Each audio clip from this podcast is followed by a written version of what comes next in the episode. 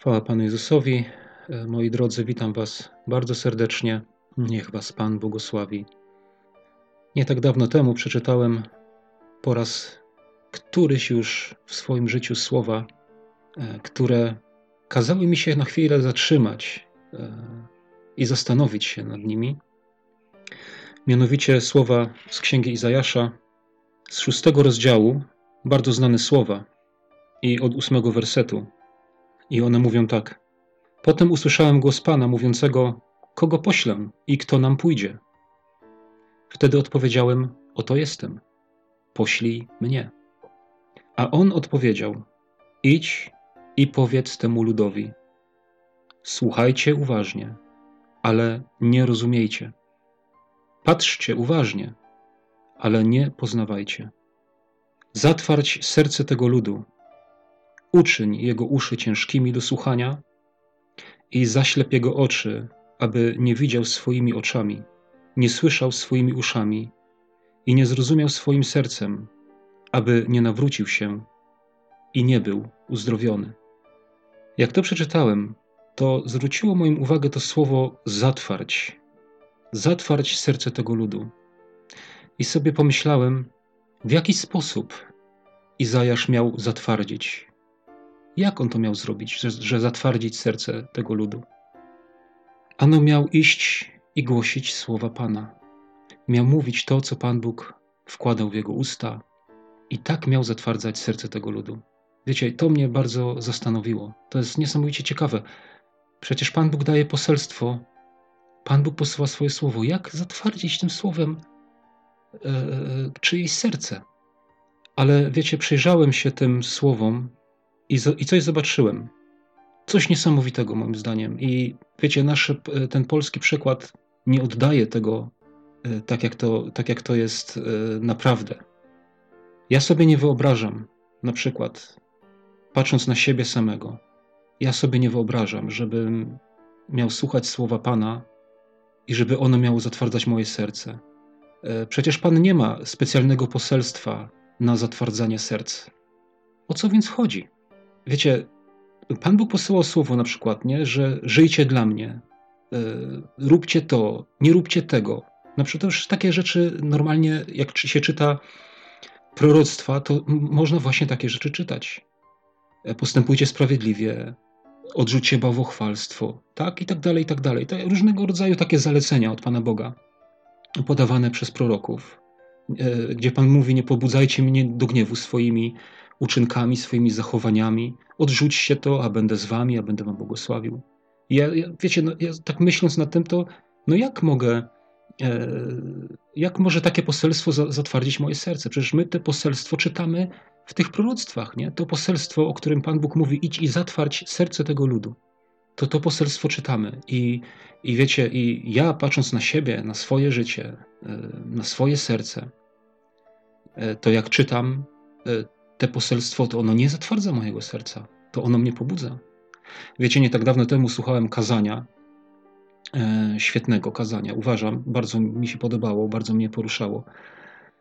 To było z okazji Dnia Zielonych Świąt, o Duchu Świętym było wygłoszone i ten brat tam mówił tak fajnie, że, że Duch Święty to nie jest Aladdin, tak, jak, jak lampa, jakiś dżin, nie, że, że mamy Ducha Świętego, to teraz mogę jechać tam, i, i, i, bo tam jest ktoś chory, ja tam pojadę i, po, i teraz pogłaszczę tego dżina i powiem teraz tutaj dżinie wyjdź i uzdrów. I on mówi w tym kazaniu, że Duch Święty nigdy nie będzie nam posłuszny, że to my mamy być Jemu posłuszni. Wiecie, i to kazanie, no to ja je chłonąłem, wiecie, jak gąbka, jak sucha gąbka wodę, nie? Mówię, no świetne, no wspaniałe, no jak ono, czy takie słowo nie zatwardza mojego serca? Ono jeszcze bardziej mnie otwiera i pobudza. A jednak Pan Bóg mówi tutaj, że jego poselstwo może czyjeś serce zatwardzić. I wiecie, ja zastanawiałem się nad tym naprawdę i modliłem się i, i, sobie to śledziłem. I tak naprawdę ja, jak wtedy, jak się zastanawiałem, to ja nie wiedziałem, że ja się tym słowem będę z wami dzielił. Bo to było no prawie dwa tygodnie temu w poniedziałek. Na tym się zastanawiałem. I potem cały tydzień chodziłem, bo ja najczęściej nagrywam w soboty. I, się, I tak się pytałem Pana Boga i mówię, Panie, no a czym się mam podzielić, co mam nagrać? I słuchajcie, i dopiero gdzieś w piątek wieczorem zrozumiałem, że właśnie tym, że właśnie tym słowem mam się z wami podzielić. Ale w sobotę, no ja nie miałem czasu, że tak powiem, nawet się jakoś przygotować potem, jakoś się bliżej przyjrzeć jeszcze temu słowu. I sobie pomyślałem, no dobrze, to przez tydzień jeszcze mm, przyjrzę się bardziej tak bliżej e, i, i dopiero podzielę się dzisiaj, tak? Więc, więc to dzisiaj czynię. E, powiem wam tak, tak naprawdę to ja zobaczyłem w tym, i ogólnie to jest widoczne w Biblii, to, to można zobaczyć, ale w tym akurat poselstwie tutaj, że zatwarć serce tego ludu, uczyń jego uszy ciężkimi do słuchania i zaślep jego oczy, to tak naprawdę w tym poselstwie jest ukryte takie podwójne, ja nie wiem jak to nazwać tak naprawdę, jakaś taka podwójna zasada działania Bożego Słowa. Czy, czy jakbyś to powiedzieć, że, że Słowo Boże może działać w dwójnasób. Tak? E, tak jak na przykład, no nie wiem, no Mojżesz powiedział, nie, że oto położyłem przed wami błogosławieństwo i przekleństwo i wybierz błogosławieństwo, abyś żył. E, takie, że Bóg jest taki, nie wiem, e, nie chcę powiedzieć podwójny, ale że, że, że no takie podwójne działanie, tak?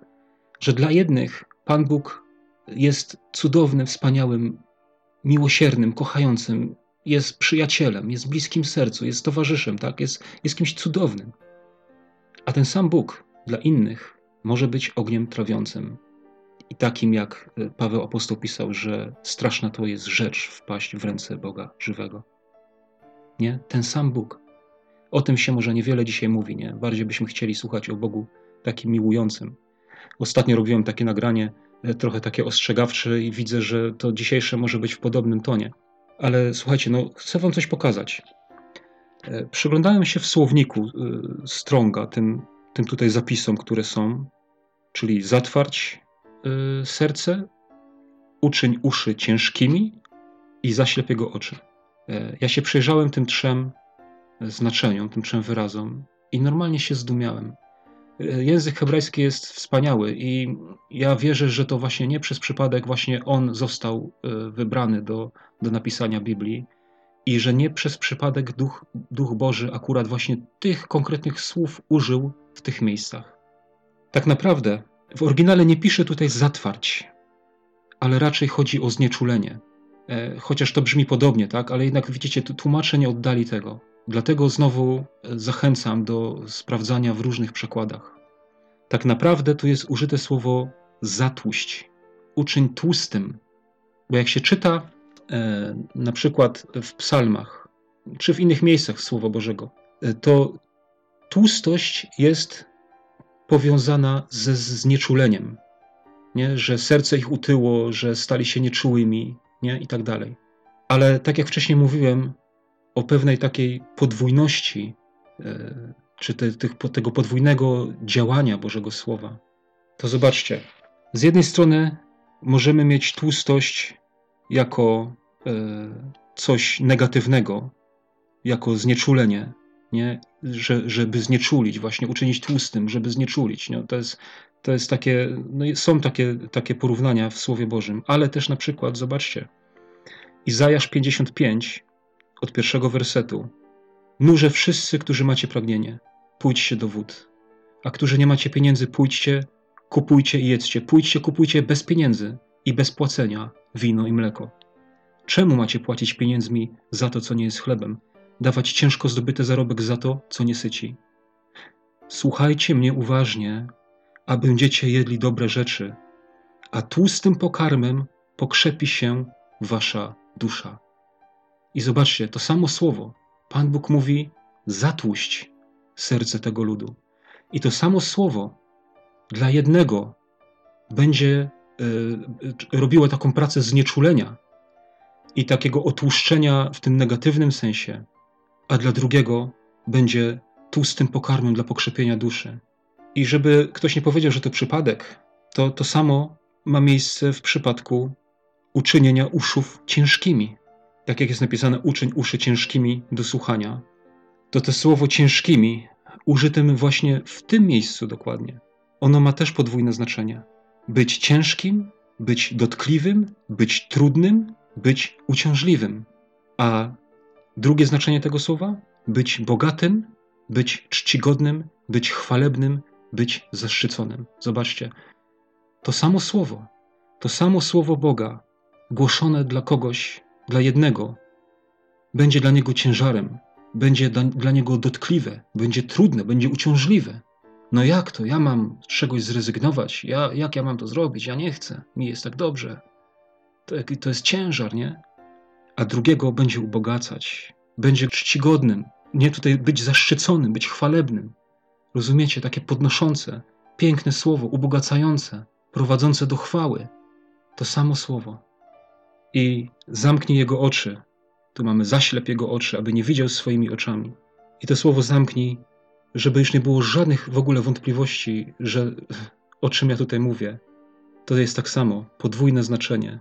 Wiecie, że jest cała masa innych słów, które mogłyby powiedzieć to samo słowo, że zamknij, nie? albo zatwarć, albo obciąż. Nie? Są inne słowa, które mogłyby zostać użyte w tym miejscu, ale tutaj Pan Bóg specjalnie użył takich podwójnych słów, które mają podwójne znaczenia. Są używane w, w, w dwóch różnych znaczeniach, abyśmy to lepiej zrozumieli.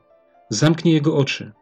To jest tak: gładzić, być mazanym, być zaślepionym, posmarować. Nie? Czyli tak nie pomazać, nie? Zamazać, nie? Zamazywać, zamazywać, aż się w końcu zaślepi, nie? To, jest, to ma takie znaczenie.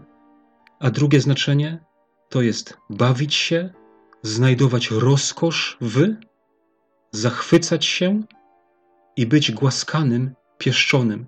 Zobaczcie, no to jest cudowne, to jest niesamowite. To samo słowo jednego będzie zaślepiać, a drugi będzie miał z niego przyjemność, będzie znajdował rozkosz w tym słowie, będzie się nim zachwycał, yy, będzie, słuchajcie, tak jak tu jest, być głaskanym, pieszczonym, tak? Będzie odczuwał przyjemność z obcowania z tym słowem, ze słuchania go, e, z przejmowania go, z rozumienia go, z rozważania go, z napełniania się nim. Wspaniałe. I to, to samo słowo właśnie może mieć takie podwójne znaczenie. Nie ma dwóch różnych słów, nie? Nie, nie ma specjalnego słowa, które by zatwardzało czyjeś serce, ale to jest to samo słowo, przez które może zostać wykonana albo taka praca, albo taka praca, albo ma albo takie, takim znaczeniu dobrym, pozytywnym, albo w negatywnym. I teraz chciałem tutaj zadać Ci pytanie: jak Ty reagujesz, słuchając Bożego Słowa? Co się dzieje w Twoim wnętrzu, jak słuchasz słowa no, które każe, które jest w jakiś sposób wymagające dla ciebie, które każe ci coś odrzucić, które y, nawołuje ciebie do naśladowania Pana Jezusa, do, do y, brania z Niego przykładu. Jak reaguje Twoje serce? Wiecie, ja tak sobie myślę, że to jest niezmiernie ważne, dlatego że dzisiaj jest wielu ludzi wierzących, którzy uważają się za chrześcijan, e, bo zostali nimi po wypowiedzeniu formułki, po wypowiedzeniu jakiejś tam modlitwy grzesznika, tak zwanej. Ale tak naprawdę nie są Bożymi dziećmi. Nie narodzili się na nowo. Albo nie chcieli po prostu, nie? Tylko pod wpływem jakiejś tam sytuacji, emocji podjęli taką decyzję, tak? No, że teraz będą chodzić do zboru, że będą czytać Biblię. Ale tak naprawdę ich serce nie jest Bogu oddane. Ja jestem przekonany, że serce oddane Bogu odbiera Jego słowa w tym znaczeniu dobrym, w tym znaczeniu, które buduje, które ubogaca, które powoduje zachwyt, daje przyjemność w tym znaczeniu. Mamy tutaj przykład faraona w Biblii, o którym Pan Bóg powiedział, że do Mojżesza idź, będziesz mówił faraonowi e, wszystkie moje słowa, a ja zatwardzę jego serce i nie wypuści ludu i wykonam nad nim sądy. Ale tak naprawdę to nie było tak, że Pan Bóg zatwardził serce faraona, bo jak czytamy Biblię, to czytamy, że faraon zatwardził serce, i tutaj, że Pan zatwardził jego serce, nie? Czyli w takich dwóch y, y, mamy takie dwie jakby rozbieżne sytuacje, ale, ale to właśnie nie jest tak. To faraon miał twarde serce. To faraon nie chciał przyjąć Bożego Słowa. Dlatego na te Boże poselstwo on się zamykał. On go nie przyjmował. I każde kolejne poselstwo przyniesione przez Mojżesza E, każde kolejne poselstwo właśnie tego Bożego Słowa jeszcze bardziej zamykało jego serce. Wiecie, ile razy Mojżesz chodził do faraona?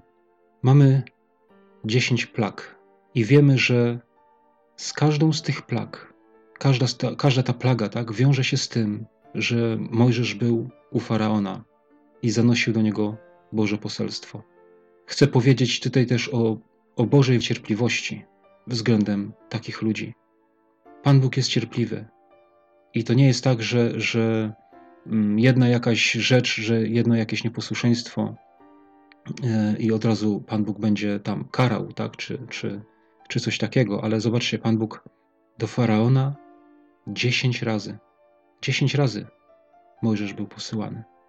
A wiecie, ile razy w Słowie Bożym możemy przeczytać poselstwo, które Mojżesz przynosi faraonowi? Siedem razy. Dokładnie, co Mojżesz y, miał powiedzieć faraonowi. Czytamy siedem razy. Mojżesz przychodzi do faraona i mówił: Tak mówi Pan, wypuść lud mój, aby mi służył. Siedem razy czytamy dokładnie takie słowa w drugiej księdze Mojżeszowej, w tej całej historii o wyjściu Izraela z Egiptu. Czyli to nie jest tak, nie? Że, że to zatwardzenie jest takie, mm, jakby to można powiedzieć, od razu, nie? Takie, to jest pewien proces. Za każdym razem faraon mógł powiedzieć dobrze, idźcie, ale nie, on nie chciał. Raz, drugi, trzeci, aż doszło do ostateczności. Nie wiem, w jakim jesteś miejscu. Nie wiem, e, jak odbierasz Boże Słowo, jak reagujesz na nie. Ale jeśli Twoja reakcja jest taka, że Twoje serce się zamyka i nie chcesz, to zastanów się. Tym bardziej, jeżeli uważasz się za wierzącego, może jesteś ochrzczony, e, chodzisz do zboru, a tak reagujesz na Boże Słowo, to chcę Ci powiedzieć: zatrzymaj się i zastanów, w jakim jesteś miejscu. Jest jeszcze jedna inna sytuacja taka mm, opisana w czwartej księdze Mojżeszowej, w czternastym rozdziale. To jest historia, jak ci zwiadowcy zwrócili z ziemi kananejskiej i jak Boży lud się zbuntował i powiedzieli: My tam nie wejdziemy, my wracamy do Egiptu, my nie będziemy tam ryzykować, nie będziemy wchodzić do ziemi obiecanej. Wtedy mm, chcieli Mojżesza ukamienować, tak, i, i tak dalej. Tam, z, tą całą historię można sobie przeczytać, 14 rozdział czwartej księgi Mojżeszowej. Ja chciałem tylko przytoczyć jedne słowa, takie, które Pan Bóg powiedział, jak Mojżesz się modlił. To jest 14, 20, czwarta księga Mojżeszowa. Czytamy tak. Wtedy Pan powiedział: Przebaczyłem według Twego słowa, ale jak żyję i jak cała ziemia jest napełniona chwałą Pana, tak wszyscy, którzy widzieli moją chwałę i moje znaki, które czyniłem w Egipcie i na pustyni, a wystawiali mnie na próbę już dziesięciokrotnie i nie słuchali mego głosu, nie zobaczą tej ziemi, którą przysiągłem ich ojcom, a żaden z tych, którzy mnie rozdrażnili, nie zobaczy jej. Zobaczcie, dziesięciokrotnie. I jakbyśmy sobie czytali wcześniej, to możemy zobaczyć, że dziesięć razy mm, różne, różne powody były, którymi Izrael e, e, tutaj, jak Pan Bóg powiedział, wystawiali mnie na próbę już dziesięciokrotnie. Nie? A tu wody nie ma, a tutaj mięsa nie ma, a tutaj to, a tutaj tamto, a tutaj ta manna tylko i, i tak dalej. W sumie tutaj czytamy dziesięciokrotnie. Ja nie wiem, nie wiem ile razy na próbę e, wystawiłeś Boga Ty, ale chcę Ci powiedzieć, że ta ilość nie jest nieograniczona. Chcę Cię ostrzec przed tym, że ta ilość nie jest bez końca, że jest jakiś limit u Pana Boga, po którym Pan Bóg powie: dosyć, wystarczy. I teraz wracając do tego, co mówiłem wcześniej, do tego takiego podwójnego e, znaczenia, tak, czy tego dwojakiego sposobu działania Bożego Słowa, czy no, ja nie potrafię tego inaczej nazwać jakoś, ale mam nadzieję, że, że rozumiecie o co mi chodzi. Na przykład e, Księga Izajasza 8:13 czytamy tak: Pana zastępów, jego uświęcajcie, niech on będzie waszą bojaźnią i waszą trwogą. On będzie dla was świątynią, ale kamieniem potknięcia i skałą zgorszenia dla obu domów Izraela, pułapką i sidłem dla mieszkańców Jerozolimy. Zobaczcie, on będzie dla was świątynią. A kto to jest ci was tutaj, o których jest mowa? On będzie dla was świątynią.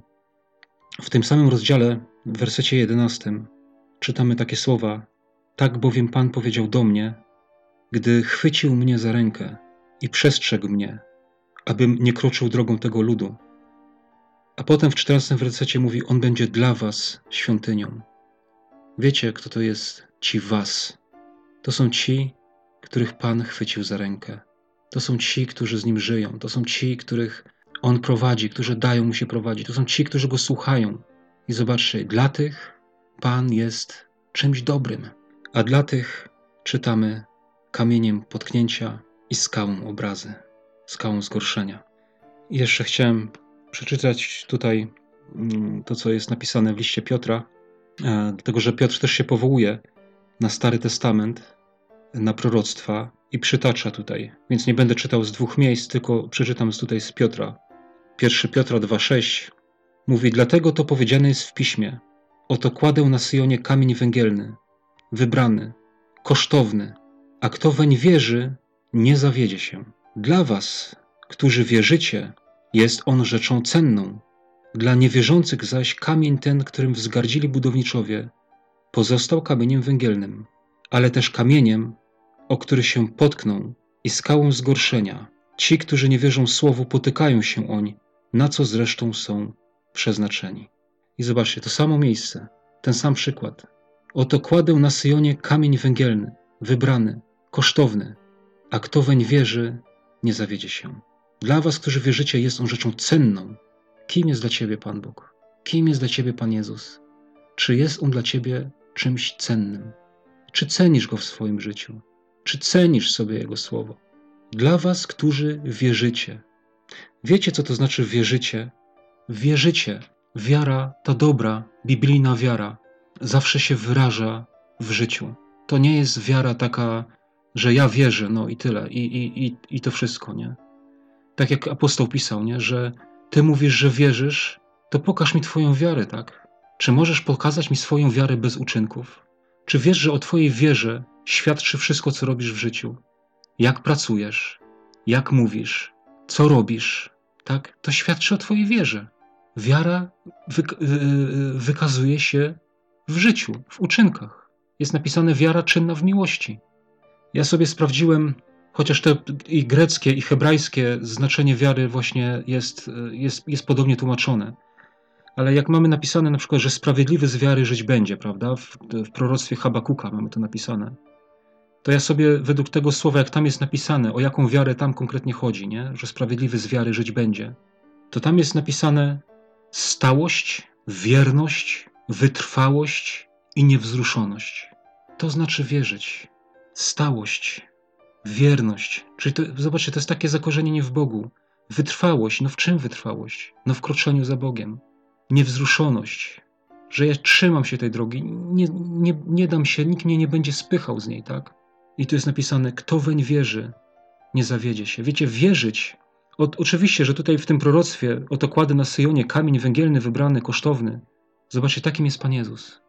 Wybrany, kosztowny w oczach Boga.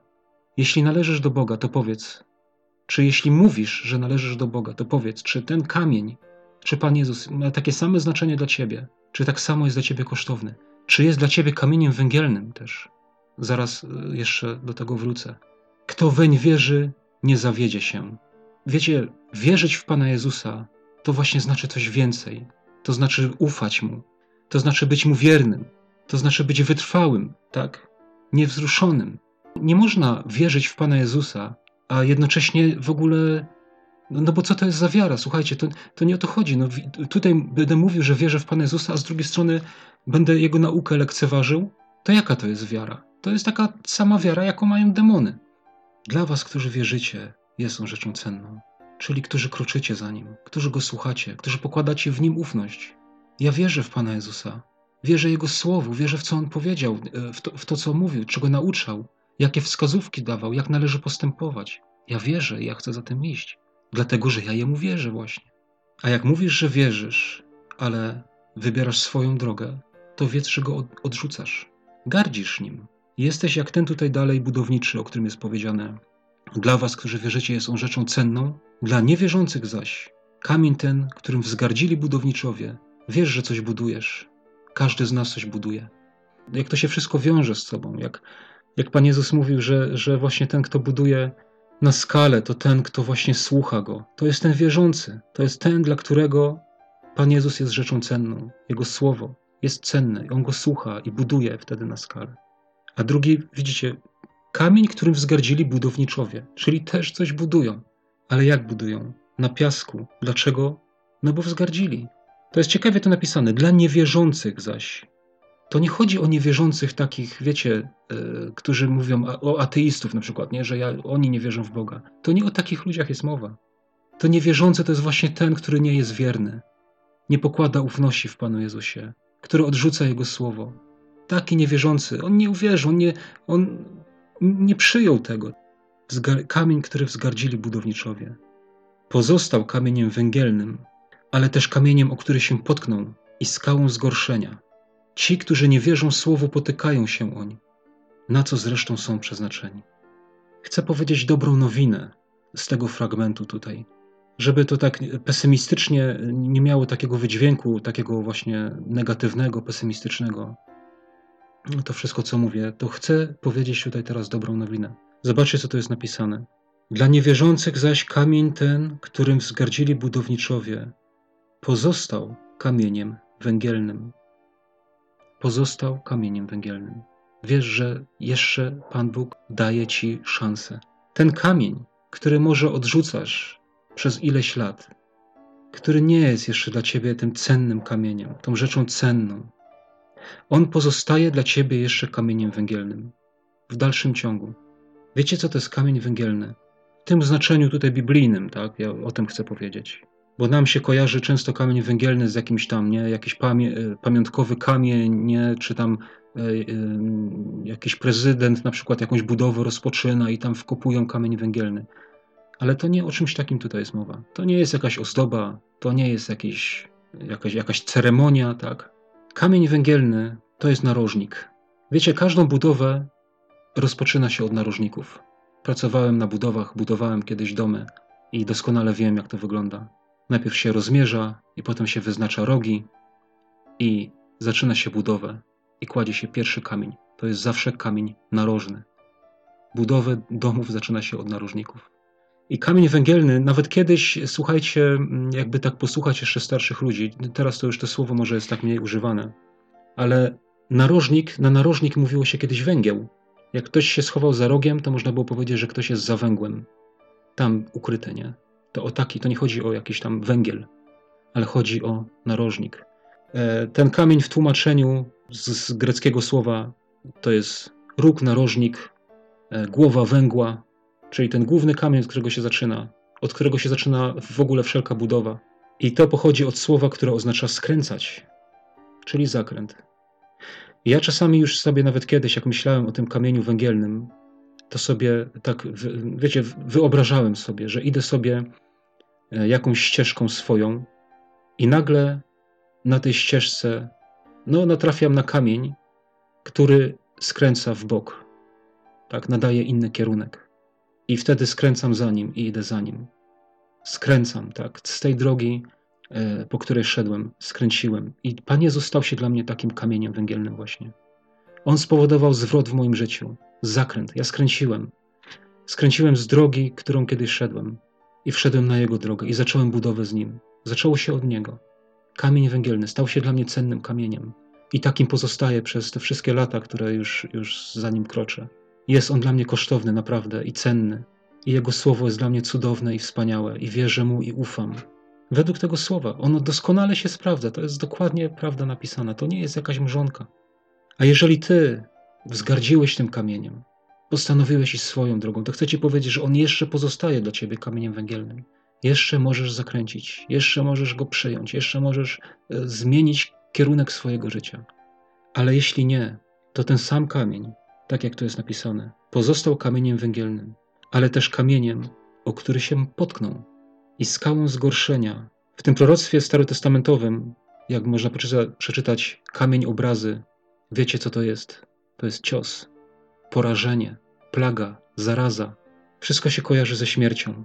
I teraz przypomina mi się ten werset, który Pan Jezus powiedział, że ci, którzy mu nie uwierzyli, już są osądzeni. Pan Jezus mówi, nie ja będę sądził, tak? Słowo, które powiedziałem do was, ono będzie was sądzić. Ci, którzy wierzą, nie będą sądzeni. Natomiast ci, którzy nie wierzą, będą osądzeni. Dlaczego? Dlatego, że nie uwierzyli słowom, które wam głosiłem. Jeżeli Pan Jezus mówi tobie, Powiem teraz przykładowo, idź w prawo, a ty mówisz nie, w prawo mi się nie podoba. Ja będę szedł prosto albo pójdę w lewo. To nie uwierzyłeś temu słowu. to nie możesz mówić, że jesteś wierzącym w Pana Jezusa, bo nie wierzysz Jego słowu. Ja chcę to podkreślić wyraźnie. Wierzący w Pana Jezusa musi wierzyć Jego słowa i musi za nimi podążać. Nie ma ich tylko znać i cytować, ale one muszą być dla Niego kosztowne, cenne i musi za nimi iść. Kamieniem, o który się potkną. Ci, którzy nie wierzą słowu, potykają się oni.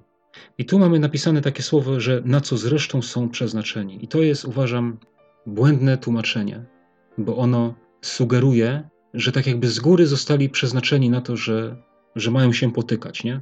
Ci, którzy nie wierzą słowu, potykają się oni, na co zresztą są przeznaczeni. Ale tutaj nie chodzi o coś takiego jak predestynacja, że z góry Pan Bóg założył takich ludzi, że będą przeznaczeni do potykania się.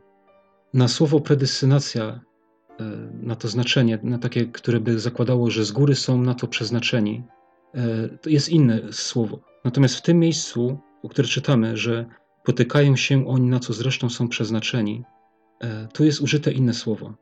Słowo greckie titemi.